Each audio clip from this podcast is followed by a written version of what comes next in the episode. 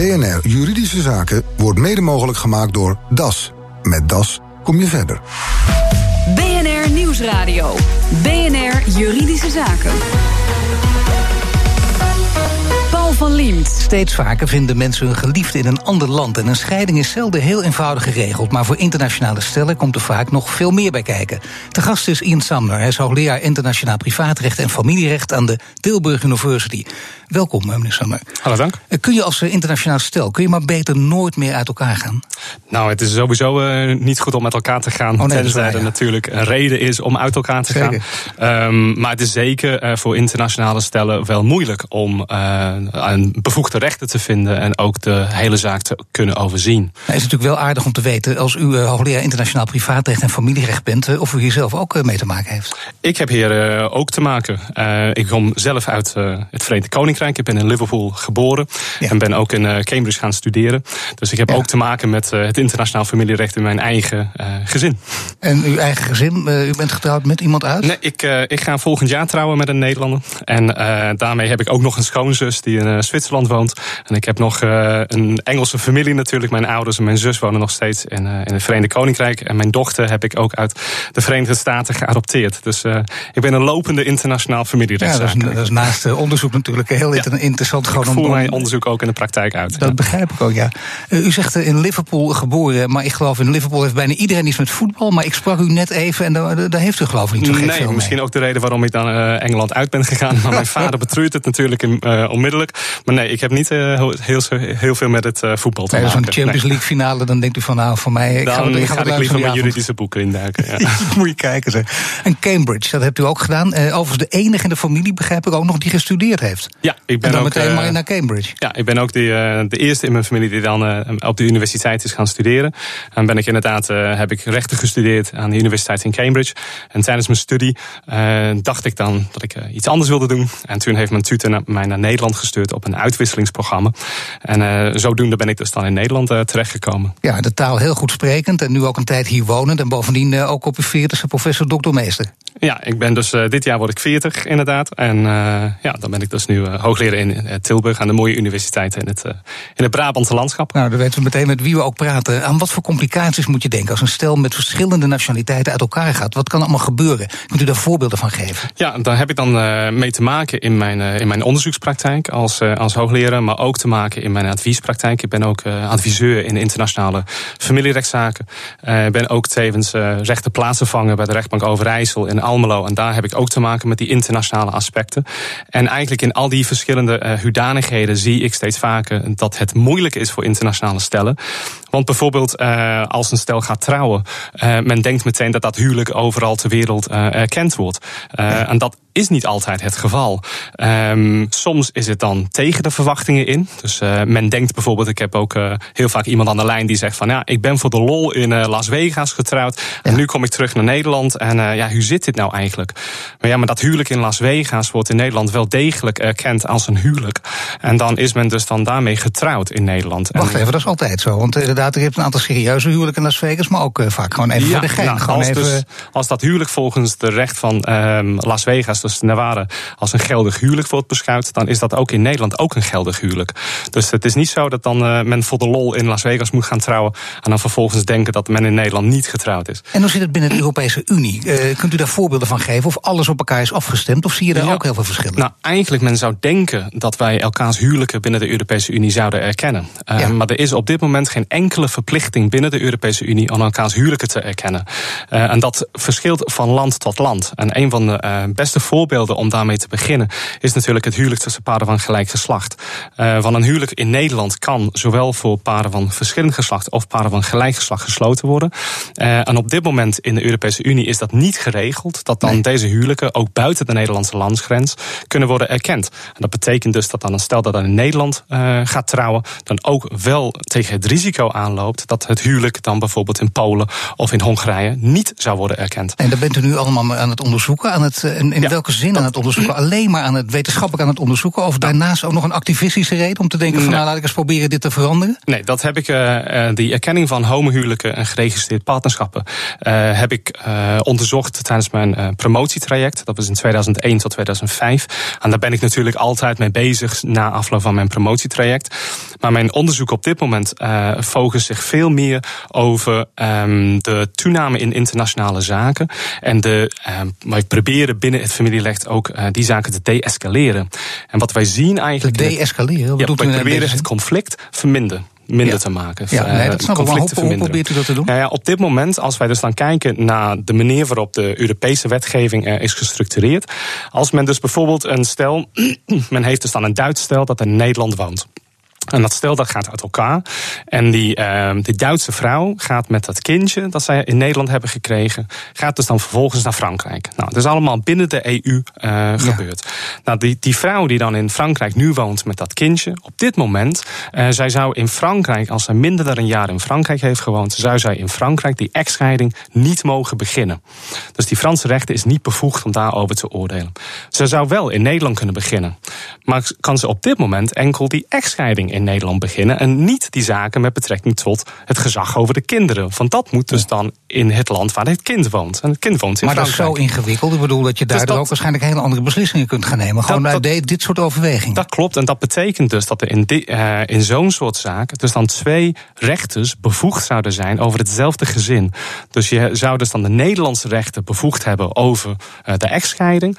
En dan de Franse rechter zou zich moeten uitlaten dan over de kinderen. En dat leidt dan natuurlijk tot twee procedures waar het kind ook betrokken is in twee procedures. En, en ja, juist als een kind erbij betrokken is, dat hoor je van alle familierechten zeggen ja. altijd laat je alsjeblieft zorgen dat het dan zo snel mogelijk gaat. In ja. dit geval gaat het heel lang duren. En dat kan dus dan heel lang duren. Maar heel lang betekent dat dan ben je echt langer dan een jaar bezig. Nou, dan meestal wel. Ja. En, dat, en dat heeft natuurlijk te maken met de verschillende rechtssystemen binnen de Europese Unie. Dus mijn onderzoek op dit moment is veel meer om te kijken, van zouden we dus dan niet moeten kijken vanuit de rechtspositie van de persoon, in plaats van de categorieën die wij als juristen hangen aan, uh, aan zo'n zaak. Bijvoorbeeld echtscheiding, gezag, huwelijksvermogensrecht, al die soort juridische categorieën. Hier krijg je toch waarschijnlijk heel veel medestanders voor? Tenminste, zo een beetje met logisch, met gezond verstand ja, erover nou, eigenlijk wat wij, wat wij in familierechtland uh, zien, is dat uh, internationale familierecht steeds toeneemt.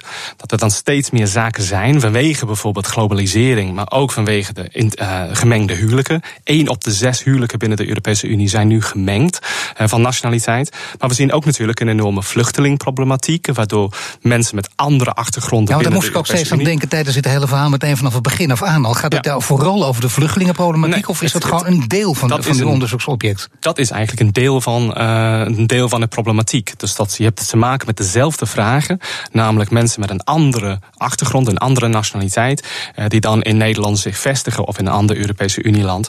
En wat wij zien is dat er dan steeds meer uh, de noodzaak is voor specialisten.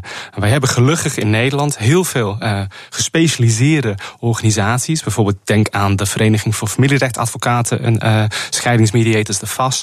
Maar we hebben ook te maken met bijvoorbeeld die, een internationale vereniging, die International Academy for Family Lawyers. Uh, en die, uh, die juristen die zijn juist gespecialiseerd in die internationale zaken en het goed in banen kunnen leiden. Maar die specialisten heb je zeker nodig, vooral als je kijkt naar de internationale ontwikkelingen en dus ook de ontwikkelingen ja. binnen Europa. Kijk bijvoorbeeld naar de Brexit, want de Brexit heeft overal invloed op. Waarschijnlijk hier ook op, of niet? Ja, zeker. Want vanaf 29 maart uh, 2019 zal het Verenigd Koninkrijk geen uh, lidstaat meer zijn van de Europese Unie. En dat betekent dat al die Europese wetgeving op het gebied van het familierecht, onder andere, en het familierecht is maar een klein deel van al die wetten binnen de Europese Unie, die zal vanaf die datum dan niet meer gelden in het Verenigd Koninkrijk.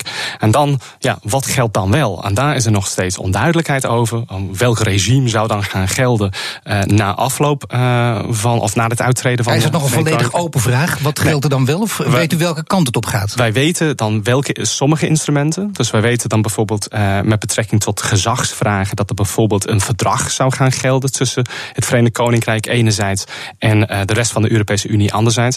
Maar op andere gebieden is dat dan nog onzeker. En men kan natuurlijk dus dan een situatie komen dat het in ieder geval meer geld gaat kosten om bepaalde vragen uit te zoeken onder welk ja, Nou ja, geld speelt altijd uh, voor veel mensen ook een belangrijke rol. Dan gaat het ook over vermogens, hoe dat allemaal geregeld is. Hoe werkt dat eigenlijk bij deze gemengde huwelijken? Nou, dat klopt. En een van die uh, ja, vaak voorkomende uh, fouten dat men maakt, is men denkt: als ik in Nederland ga trouwen, dan zal mijn vermogen beheerst worden in het huwelijk door het Nederlands recht. En dat is ja. niet het geval. Nee. Ehm, het kan zo zijn dat men in Nederland gaat trouwen en dus dat het huwelijk wordt geregeld door het Nederlands recht, maar het huwelijksvermogensrecht kan onder een ander rechtsregime vallen. Ja. Dus bijvoorbeeld als twee mensen uh, uit uh, Duitsland komen, dan ja. zal dus dan dat Duitse recht misschien van toepassing kunnen zijn. Ik zou bijna zeggen, als ik u zo beluister, het is behoorlijk ingewikkeld. Als ik uw partner was, dan zou ik denken, nou, voordat ik met die Inja ga trouwen, eventjes oppassen. Want uh, jongen, jongen, jongen, dat hij weet er zoveel van. En gelukkig gaat dat wel goed komen. ja, nee, dat zeg je, ja, ja hopen, precies, dat zeg je dan altijd. Nou ja, er zijn zoveel aldertjes onder het gas, dat je precies al weet waar het heen kan gaan over twee, drie jaar. En, en daarom hebben we juist die specialisten uh, nodig die dan mensen kunnen adviseren. En het probleem op dit moment is dat men niet nadenkt voor het nemen van bepaalde belangrijke beslissingen, zoals uh, naar het buitenland vertrekken voor, het, voor werk of voor, voor de liefde. En men gaat dan heel vaak dan zulke belangrijke beslissingen een beetje door zo'n roze bril kijken en denkt van, ja. oh, het zal allemaal wel goed komen. En heel vaak is dat niet zo. En ik heb van de week ook een programma bij BNR geluisterd en dat ging dan over Silicon Valley. En ja. dat was dan uh, een mevrouw die dus naar, vanuit Nederland naar de Verenigde Staten is verhuisd voor ja. haar werk. En het eerste wat bij, bij mij komt nadenken op, op zo'n moment is dat ik denk, ja, ik vraag me af, is zij nou getrouwd met iemand uit de Verenigde Staten? Is zij getrouwd met iemand uit Nederland? Heeft ze daar ook kinderen gekregen? Want dat kan natuurlijk dan een enorm probleem zijn als ze daar een kind krijgt en ze vervolgens die relatie zou uh, beëindigd worden, de relatie gaat uit elkaar en ze wil terug naar Nederland met het kind. En als ze dat kind meeneemt zonder toestemming van uh, die andere gezagsdragende ouder, dus zonder uh, die partner, ja, dan is daar sprake van internationale kinderontvoering. Ja. En heel veel mensen snappen dus niet op dat moment, op, zij, op het moment dat zij verhuizen naar het buitenland, uh, voor de liefde, voor een relatie, dat als zij dan een kind krijgen in dat nieuwe land. En zij vervolgens dat land willen verlaten, dat dat dan soms heel erg lastig is. Dus de belangrijkste les is roze brilletjes afzetten. Ja, altijd goed rationeel nadenken ja. uh, voordat je belangrijke stappen in je leven nee, neemt. Zo iemand met ja. een hekel aan roze brillen hebben we hier ook vaak op de zender, maar dat is weer een heel ander vraag. en straks, we hadden het er al even over, wat als emigreren met je kind een internationale kindontvoering wordt. BNR Nieuwsradio. BNR Juridische Zaken. Ja, soms gaat het emigreren met een kind uh, heel vreedzaam, maar het kan ook uitlopen op een internationale kinderontvoering. Een recent voorbeeld is Insia, een peuter die door haar vader is meegenomen naar India. Meneer Summer, u kunt daar niet veel over zeggen, geloof ik. U bent er als, als adviseur bij betrokken. Maar uh, wat voor complicaties brengt zo'n zo'n kidnapping met zich mee van een kind? Ja, dat, uh, dat zijn uiteenlopende consequenties. Uh, en vooral als familierechtjurist denk ik allereerst aan het kind zelf. Dus het kind wordt vaak meegenomen vanuit een thuissituatie. die wordt meegenomen naar een land soms waar ze dan helemaal niet bekend zijn. Maar voor duidelijkheid meegenomen, gekidnapt, hè, letterlijk. Ja, dus wij, wij gebruiken in het recht gebruiken we de term kidnapping uh, voor situaties waarin het dan niet door een ouder wordt gedaan. En wij gebruiken ja. de term ontvoering op het moment dat dan een ouder een eigen kind dan meeneemt. En die situatie is natuurlijk ja. wel anders, omdat het kind wel een band heeft met degene die hem of haar meeneemt. En vaak onder een totale andere redenen wordt meegenomen. Dus bijvoorbeeld op een vakantie. Uh, dus het kind denkt dat ze op vakantie gaan voor twee weken. En twee weken wordt drie weken, drie weken wordt vier, vier ja. wordt hem twee maanden. En, en, en zo een extreme zit. Je wordt dus weggenomen. Stel dat de vader het doet, dan word je allereerst wordt, wordt het kind bij de moeder weggenomen. Ten tweede, ja. de vader spiegelt iets voor wat niet waar is. Ja, nou dat is dus. Uh, die kinderontvoeringszaken zijn heel erg uitlopend, uh, uiteenlopend. Dus die, uh, die variëren echt enorm. En het is niet zo altijd dat dan die, die ontvoerder geen enkele reden had voor de ontvoering. Dus da daarom zien we dat deze zaken echt heel erg complex zijn. En zoals ik zei daarvoor, was dat een internationaal stel internationaal specialisten nodig heeft om een, een goede scheiding in banen te leiden. Nou, dit geldt nog erger voor internationale internationale kinderontvoeringen.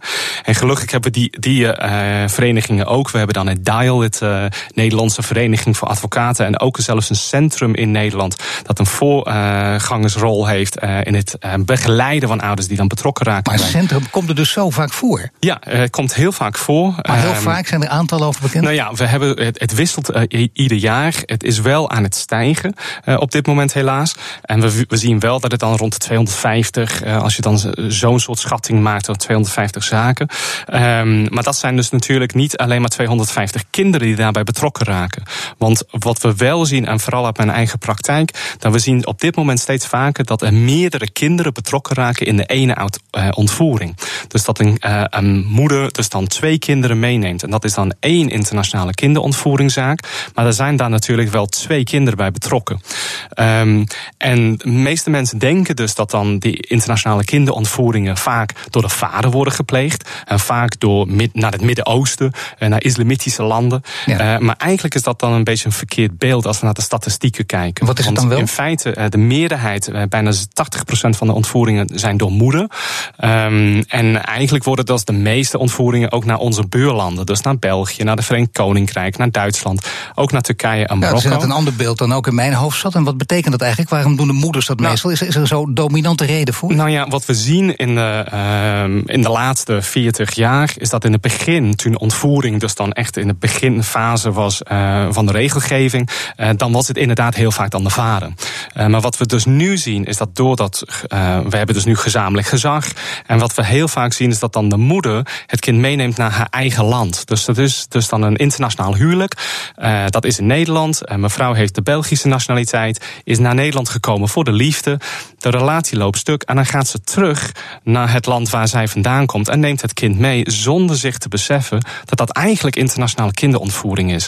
En wij proberen dat met z'n allen. Maar eigenlijk, dat is het dan. Dat, weet zij niet, maar dat is het dan wel. Dat betekent dat ze als, als het mislukt, als zij denkt dat het dan lukt, ze kan het kind bij zich houden, maar ze blijft desnoods tot in lengte van jaren achtervolgd worden tot het dus, kind terug is en, het echt geregeld is. Ja, en wat wij gedaan hebben binnen de Europese Unie um, is extra afspraken gemaakt op die al bestaande internationale regels. Ja. Uh, en binnen de Europese Unie hebben we geprobeerd om een nog snellere procedure te ontwikkelen. Um, en die procedure op dit moment uh, die is dan ook aan herziening toe. En uh, Nederland dient daar op dit moment echt een voorbeeldfunctie. Want wij hebben in Nederland, als een kind naar Nederland wordt ontvoerd, hebben wij een hele efficiënte systeem bedacht. Hoe wij dat gaan doen. Met een hele snelle behandeling van die eerste zaak bij de rechtbank in Den Haag. Maar goed, we hebben net al wat tijden gehoord. Wat is in dit geval dan een efficiënte, snelle behandeling? Nou, binnen zes weken krijgt men een beslissing in eerste aanleg. En als die beslissing, als een van de ouders dan in hoger beroep gaat, dan is de beslissing in hoger beroep ook binnen zes weken. En er is ook geen mogelijkheid om naar de Hoge Raad uh, te gaan. En dus dat leidt niet tot enorme slordigheid bijvoorbeeld, vanwege het hoge tempo? Nee, want daarom hebben we dus die gespecialiseerde advocaten voor nodig. Dus dat zijn advocaten die uh, zeer gespecialiseerd zijn in de jurisprudentie op dit gebied, dus die uitspraken, maar ook in de wetgeving en die Europese wetgeving en de internationale en de nationale wetgeving. Dus het is wel zaak om te proberen om een van die gespecialiseerde advocaten te krijgen. Want die kan dus dan wel alles overzien en dan binnen zo'n tijd. Dat snap ik, maar dat zijn meestal ook hele prijzige advocaten. Nee, niet altijd. We hebben oh. ook advocaten die ook uh, deze zaken doen op toevoegingsbasis. Dus die, uh, die proberen ook oh, de zaak uh, binnen de limieten te bepalen. maar het is ook nodig dat mensen dus van goed van informatie worden voorzien. En zoals ik zei, we hebben dan zelfs in Nederland een centrum. Het Centrum Internationale Kinderontvoering in Hilversum. En die voorziet ook burgers met advies en informatie over welke procedures zijn mogelijk en hoe doen we dat dan. Ja, dan heb je nog een groep waar, waar de Nederlandse overheid mee in de maag zit. Hè, de kinderen van de Syriëgangers. Uh, ouders hebben vaak een dubbel paspoort. Nederland bekijkt of het Nederlands, Nederland kijkt of ze dat dubbele paspoort kan afnemen. Maar hoe zit het met die kinderen? Uh, zouden die naar Nederland terug moeten of zouden die naar Nederland terug mogen komen? Ja, dan komen we eigenlijk in een ja, hete hangijs eigenlijk van het uh, internationaal familierecht. Want wij kunnen hier in Nederland alles van vinden. En wij kunnen hier in Nederland alles beslissen. Maar als dan uiteindelijk de beslissing die door de Nederlandse rechter wordt afgegeven, op geen enkele wijze in het buitenland kan worden geëffectueerd. Dus dan, dat noemen we dus dan ten uitvoer worden gelegd.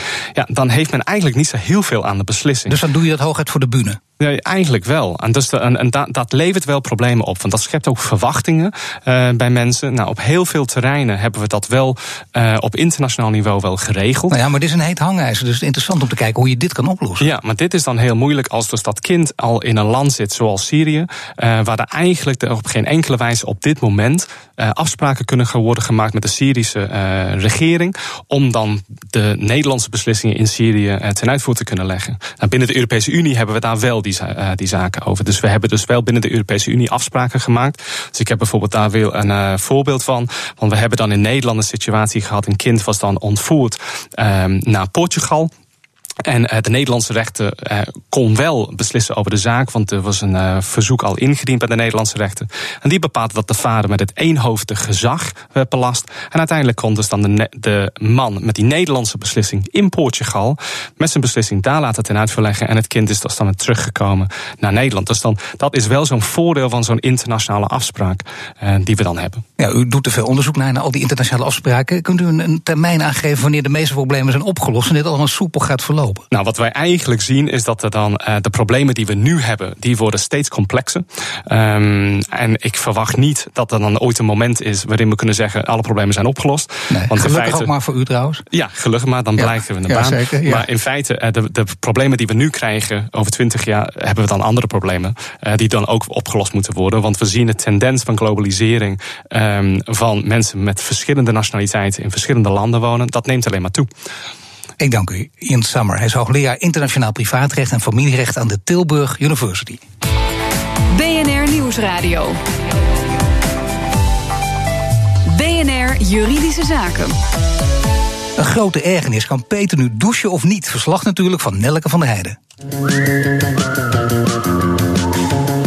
Peter, je hebt een eigen huurappartement.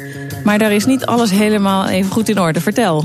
Ja, klopt. Elke keer dat ik uh, onder de douche sta en bijvoorbeeld mijn buren zijn bezig met de afwas, dan heb ik uh, koud water. Dus jouw warm water is op een of andere manier gekoppeld aan dat van de buren? Weet je uh, hoe ja, dat wij, zit? wij delen een boiler. Ja, het is heel bizar. Ja, dat klinkt ook niet echt aangenaam. Nee, dat is alles behalve aangenaam. Zeker, ja, je kan moeilijk met je buren een schema gaan afspreken om je even je hand, of wanneer je onder de douche wil staan of handen wil wassen of wat dan ook. Dus ik ben daar echt totaal niet blij mee. Nee, maar het is wel echt een zelfstandige woning. Met Het alles erop helemaal- en eraan. Ja, het is helemaal een eh, zelfstandige woning. Alles erop en eraan. Ik betaal ruim 800 euro voor. Eh, ik wil dat mijn eh, ja, verhuurder hier iets aan gaat doen. Ja, want is het zo dat die verhuurder ook de verhuurder is voor de andere bewoners? Ja, die huren allemaal van dezelfde verhuurder. En kennelijk hebben we dus ook allemaal dezelfde boiler. En dus, ja, en ik ben ook benieuwd, wat gaat hij daaraan doen? Huip Hielkema van Hielkema Co. Kan Peter iets beginnen tegen deze huurbaas? Ja hoor, geen enkel probleem zou ik zeggen. Want, wat is er allemaal mogelijk? Nou ja, laten we beginnen met wat hier het probleem is als jij woonruimte huurt.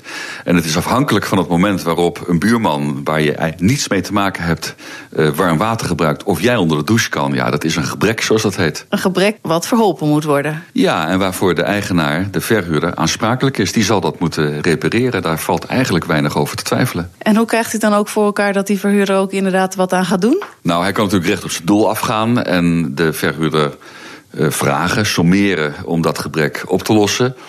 En als, dat, als die verhuurder dan geen thuis geeft, kun je daar een procedure over beginnen. Misschien zelfs in een kort geding, want dit is natuurlijk een dagelijkse ergernis. Iedere dag opnieuw moet hij maar afwachten of hij onder de douche kan. Omdat de, uh, ja, zijn bovenbuurman misschien net staat af te wassen of zelf onder de douche staat. Ja, dat kan natuurlijk niet. Dus ik kan me zelfs voorstellen dat je dat in een kort geding doet. Wat je ook kan doen, dat is wat minder recht op het doel af, is dat je aanstuurt op een huurverlaging. Tijdelijk, hè, zolang dat probleem niet opgelost is door die verhuurder.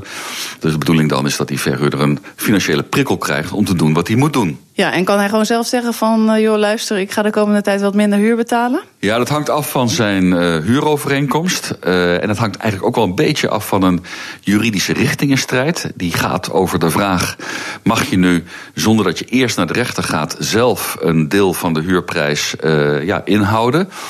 Nou, daar zou ik het huurcontract voor moeten bekijken. Dus dat durf ik niet zo 1, 2, 3 te zeggen.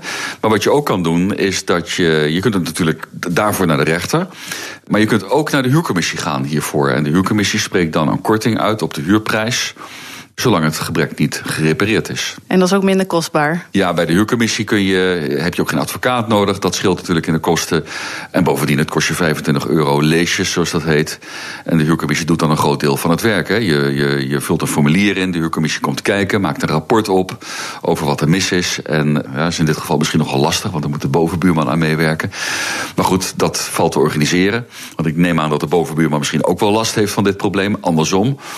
Um, er komt een rapport en dan zal de, de huurcommissie daar een uitspraak over doen.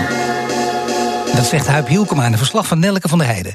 Heeft u ook een vraag over de Europese privacywet die volgende week ingaat? Mail hem naar juridischezaken.bnr.nl en dan gaan we daar 22 mei op in. Heeft u ook een andere juridische vraag? Mail hem ook naar juridischezaken.bnr.nl. En dit was de uitzending voor vandaag. U kunt de show terugluisteren via bnr.nl slash juridische zaken. Mijn naam is Paul van Diemt. Tot de volgende zitting. BNR Juridische Zaken wordt mede mogelijk gemaakt door DAS. Met DAS kom je verder.